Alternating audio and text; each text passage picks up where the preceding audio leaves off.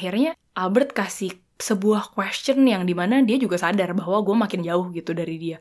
Ya coba pikirin deh Beb, kalau kita gini terus kita bisa tahan sampai berapa lama kita kayak gini gitu.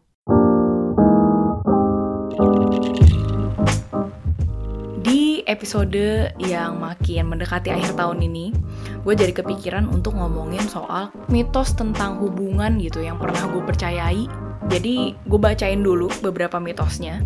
Yang pertama adalah uh, mitos bahwa kalau misalnya kita sama pasangan itu harus selalu sama-sama dan ke mana-mana itu harus berdua. Dan hal kedua adalah soal mengalah. Nah yang ketiga adalah tentang harus selalu baikan sama pasangan sebelum matahari terbenam atau sebelum matahari terbit. Ya pokoknya intinya nggak ditinggalin kelamaan gitu lah ya. Dan yang keempat adalah soal pasangan lo berubah atau nggak berubah saat menikah nanti. Nah, gue bahas yang pertama dulu nih, yaitu saat lu udah jadi pasangan, terutama saat lu udah nikah, lu harus selalu sama-sama. Nah, dulu gue tuh pernah ada sebuah argumen gitu sama salah satu temen gue soal hal ini. Karena gue nih tipe orang yang, gue kalau pisah sama pasangan gue, gue kangen, tapi nggak yang sampai kayak kangen banget gitu kayak gila gue nggak bisa tidur tanpa dia gitu-gitu. Gue juga tipe orang yang ya gue nggak gitu percaya untuk tinggal bareng sih sebelum nikah gitu. Dan by the way ini ngomonginnya konsepnya saat gue sekolah di luar negeri ya. Jadi mungkin kalau misalnya kalian di Indonesia ya maaf gitu kalau kurang relate gitu. Karena kan jatuhnya jadi kumpul kebo dan mungkin kalau kalian tinggal di komplek perumahan yang cukup religius Anda akan ditimpuki telur rumahnya oleh warga sekitar gitu. Nah anyway, uh, waktu itu gue dapet tawaran dari Albert untuk tinggal bareng sebelum kita menikah. Nah di saat itu adalah karena kakaknya si Albert nih pindah ke luar negeri gitu, jadi udah gak di Australia lagi dan Albert tinggal sendirian. Anyway, short story, gue akhirnya menolak tawaran itu. Tapi saat itu gue jadi orang yang cukup aneh sendiri. Karena di Australia gitu ya, kalau misalnya tinggal bareng-bareng itu ya hal yang cukup lumrah gitu. Karena kan mereka memang di sana budayanya ya kalau lu udah umur 18 ke atas ya harusnya sih lu udah bisa keluar dari rumah orang tua lu secepatnya ya. Karena kan lu bisa dapet duit dari part-time job gitu-gitu lah ya. Dan kalau misalnya lu Indian mau tinggal sama pasangan lu ya bodoh amat gitu lu kan udah manusia yang dewasa gitu dianggapnya. Dan di saat itu tentunya gue merasa kayak gila apakah gue salah ya? Apakah berarti gue nggak sayang-sayang amat gitu sama si Albert kalau gue nggak mau selalu sama-sama gitu. Karena argumen yang gue dapatkan dari teman gue ini adalah, ya kalau misalnya emang lu bener-bener yakin mau tinggal bareng sama nih orang terus, ya pasti lu akan ada perasaan untuk selalu mau sama dia dong. Karena kan in the end lu akan membagi rumah lu, membagi hidup lu selamanya sama nih orang. Kalau misalnya lu aja nggak berasa ada urge seperti itu ya dipertanyakan dong lu mau ting mau nikah sama nih orang apa enggak gitu ya. Tapi anyway, di mata gue kita berdua sebagai individu yang sudah dewasa dan punya otak, lu nggak bisa langsung plek-plekan copy paste apa yang orang lain bilang tentang hubungan dia ke hubungan lu. Otherwise, lu jadi memaksakan sesuatu lu kayak maksain cetakan kue yang sebenarnya itu bukan cetakan kue lu gitu kalau gue mau analogiin.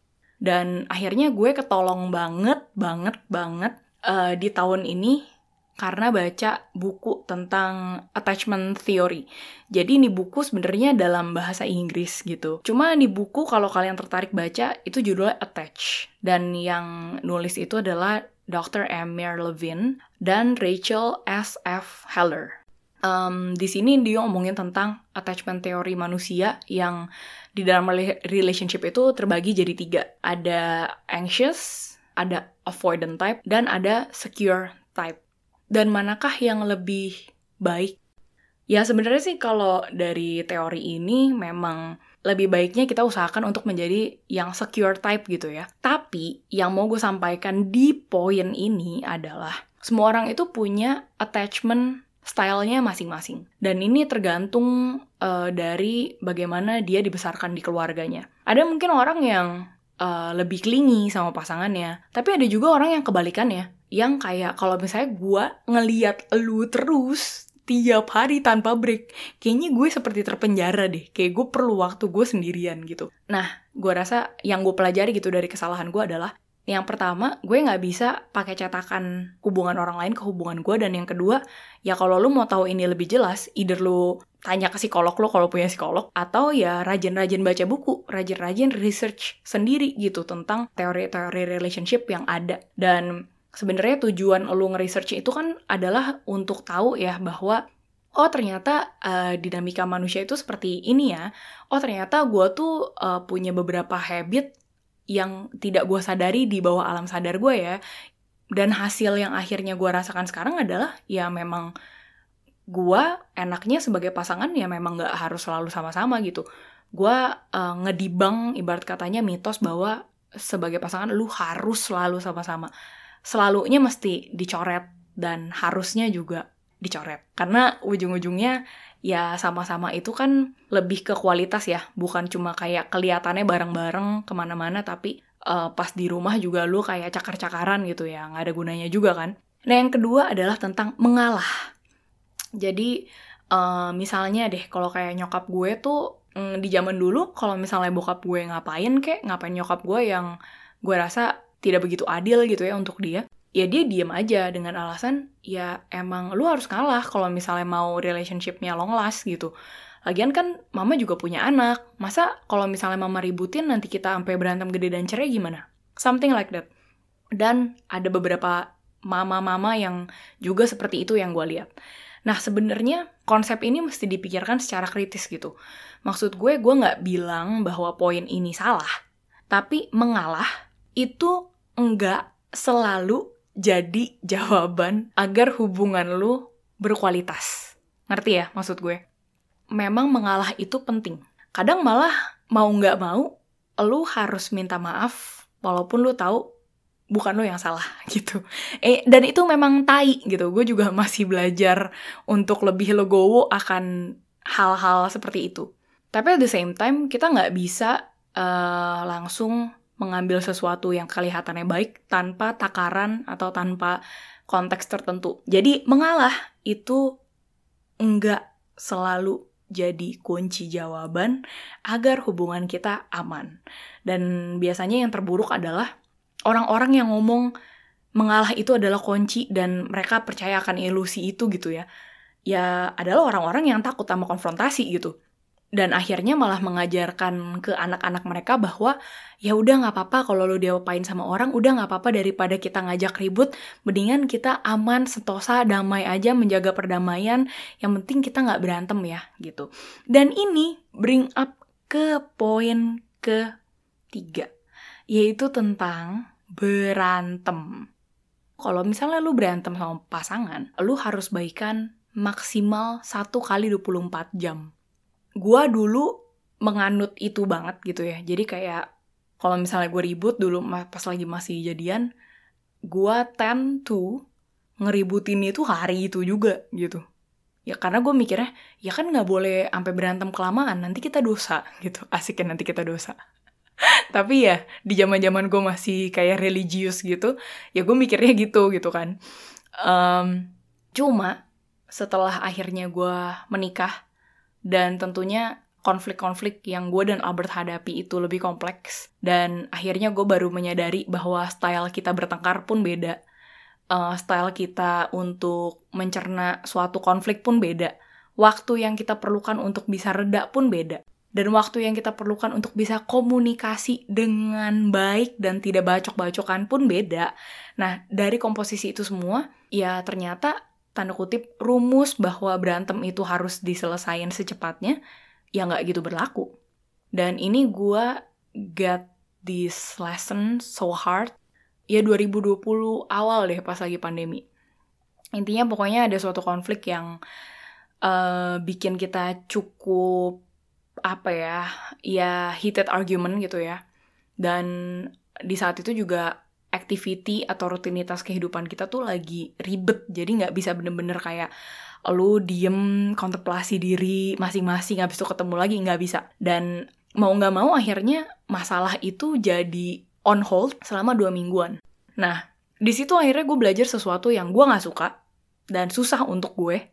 Tapi ya memang begitu adanya. Ya yaitu beberapa konflik di hubungan kita mau tidak mau harus menunggu waktu yang lebih lama agar uh, bisa lebih diobrolin lebih nyaman, lebih clear, lebih tidak saling menyerang gitu. Dan itu sangat susah teman-teman. Apalagi ditambah dengan gue yang ya gue datang dari keluarga yang kalau berantem ya ngomongnya lumayan agresif gitu ya. Anjing-anjingan tai-taian ya ya kayak gitu. Tapi memang keluarga gue no hard feelings. Ya kalau itu udah kelar ya selesai gitu. Sedangkan kalau misalnya keluarganya Albert berantemnya nggak kayak gitu gue masih belajar banyak soal soal adaptasi sama cara konflik kita yang berbeda nah yang berikutnya tentang perubahan pada pasangan atau perubahan pada kita sendiri di saat kita udah berada di relationship yang mungkin cukup lama gitu. Uh, waktu itu gue sama Albert lagi makan bareng gitu, gue lupa lah pokoknya dia lunch date. Dan tiba-tiba ada suatu obrolan di mana uh, dia inget sama khotbahan uh, salah satu pendeta yang ngomongin soal pasangan lu itu dan lu sebenarnya harus berubah selama kalian berada di relationship. Berubahnya tentu lebih baik ya, Maksudnya bring the best out of each other. Karena kalau misalnya lu ujung-ujungnya stagnan dan lu juga go nowhere, ya apa gunanya kalian merajut hubungan juga kan kalau tidak menjadi berkat bagi each other dan juga bagi orang-orang sekitar gitu. Tapi with uh, notes bahwa saat kalian berubah, ya harus cari cara gimana caranya agar kita berdua enggak ketinggalan terlalu jauh gitu. The hardest part buat gue soal growing apart, atau mungkin gue merasa kayak, kok gue kayak jauh ya sama Albert, itu pas gue di Sebia. Di waktu gue tinggal di Sebia gitu sama Albert di tahun 2018, itu one of the shittiest moment in our lives. Karena kita dirasisin, terus abis itu there are so many things yang nggak turn out well di hidup gue. Dan akhirnya itu bener-bener impact mental health gue dan gue bener-bener benci banget sama hidup gue dan of course kalau gue membenci diri gue bagaimana gue mau mengasihi orang lain uh, terutama pasangan gue?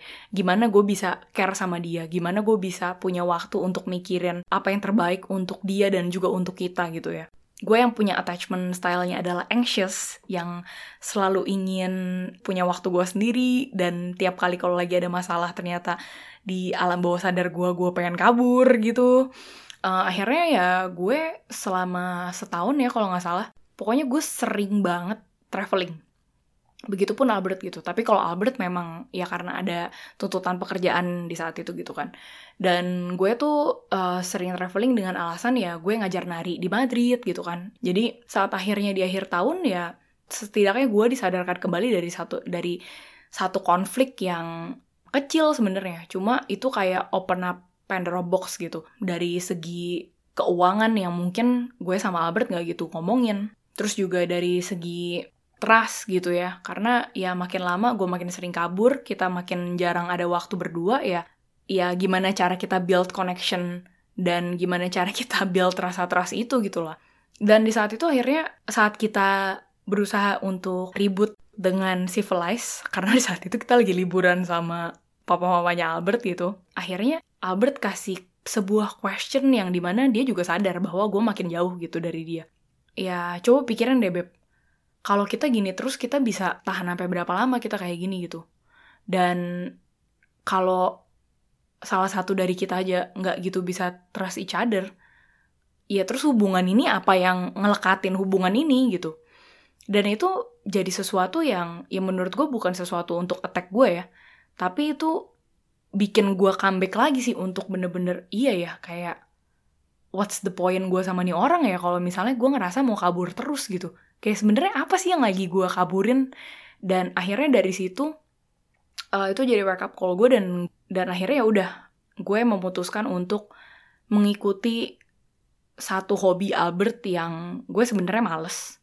Tapi ya mau nggak mau gue ikutan. Karena kalau nggak kalau gue nggak make time dan effort ya kita nggak akan pernah ketemu di rumah dan ujung-ujungnya pas udah nyampe rumah juga kita udah exhausted gitu loh dan nggak ada obrolan yang bikin kita on the same page akhirnya udah gue ikutan olahraga crossfit bareng dia dan I think that's one of the best decision dan juga gue ngomongnya bukan sacrifice ya tapi ya bentuk komitmen gue sih untuk untuk beneran care sama relationship ini dan komitmen sama dia gitu.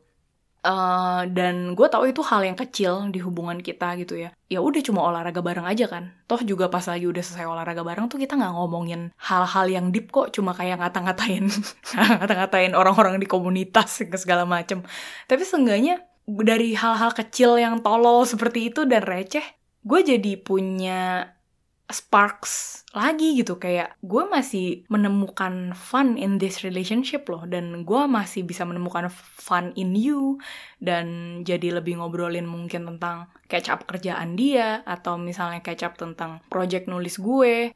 Tapi intinya dari situ ya kita connected lagi in a different level mungkin.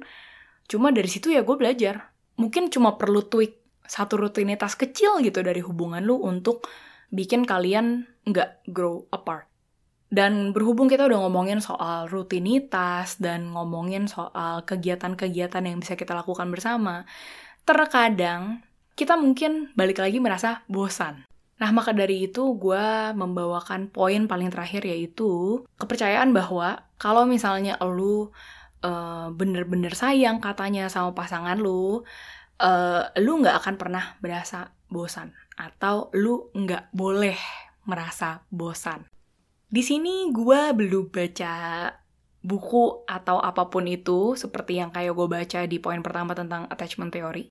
Tapi di mata gue sih sebenarnya bosan itu bukan sesuatu perasaan yang harus dibikin tabu ya. Sama kayak misalnya lu ngerasa marah sama pasangan lu. Ya itu kan sesuatu yang maksudnya ya manusiawi gitu. Gue nggak bisa ngomong gue nggak bisa ngomong gimana gimana lagi gitu. Cuma masalahnya uh, di mata gue banyak orang yang menabuhkan perasaan bosan ini. Di mana langsung di judge-nya bahwa ya lu berarti nggak sayang dong sama pacar lo gitu. Ya mungkin ini agak mirip dengan konsep di mana pasangan tuh harus selalu sama-sama ya. Balik ke soal bosan gitu ya tentu saja gue pernah merasa bosan. Awalnya gue mikir nih kayak maksudnya ini apa gue bosan sama Albert ya gitu kan ya ini kan berarti kan kayak individunya yang gue attack kan. Tapi kalau misalnya kita salah-salahan juga nggak ada gunanya kan dengan dengan gue nyalahin dia orangnya ngebosenin and vice versa doesn't give any solution gitu. Jadi akhirnya entah dapet ilham dari mana, cuma gue jadi berasa bahwa oh ini bukan gue bosen sama pasangan gue, tapi gue bosen sama rutinitas yang kita lakukan berdua. Kita harus tanya sebenarnya di balik rasa bosen ini kita tuh lagi memerlukan apa sih? Dan biasanya kalau gue patternnya adalah gue lagi merasa kayak hidup gue sebenarnya stagnan kayak misalnya ya kerjaan gue kurang menantang atau kehidupan sehari-hari gue kurang ada percikan-percikan adrenalin yang pernah gue jalani sebelumnya di masa-masa muda gue dulu. Atau mungkin gue lagi kangen aja sama teman-teman gue yang gila itu.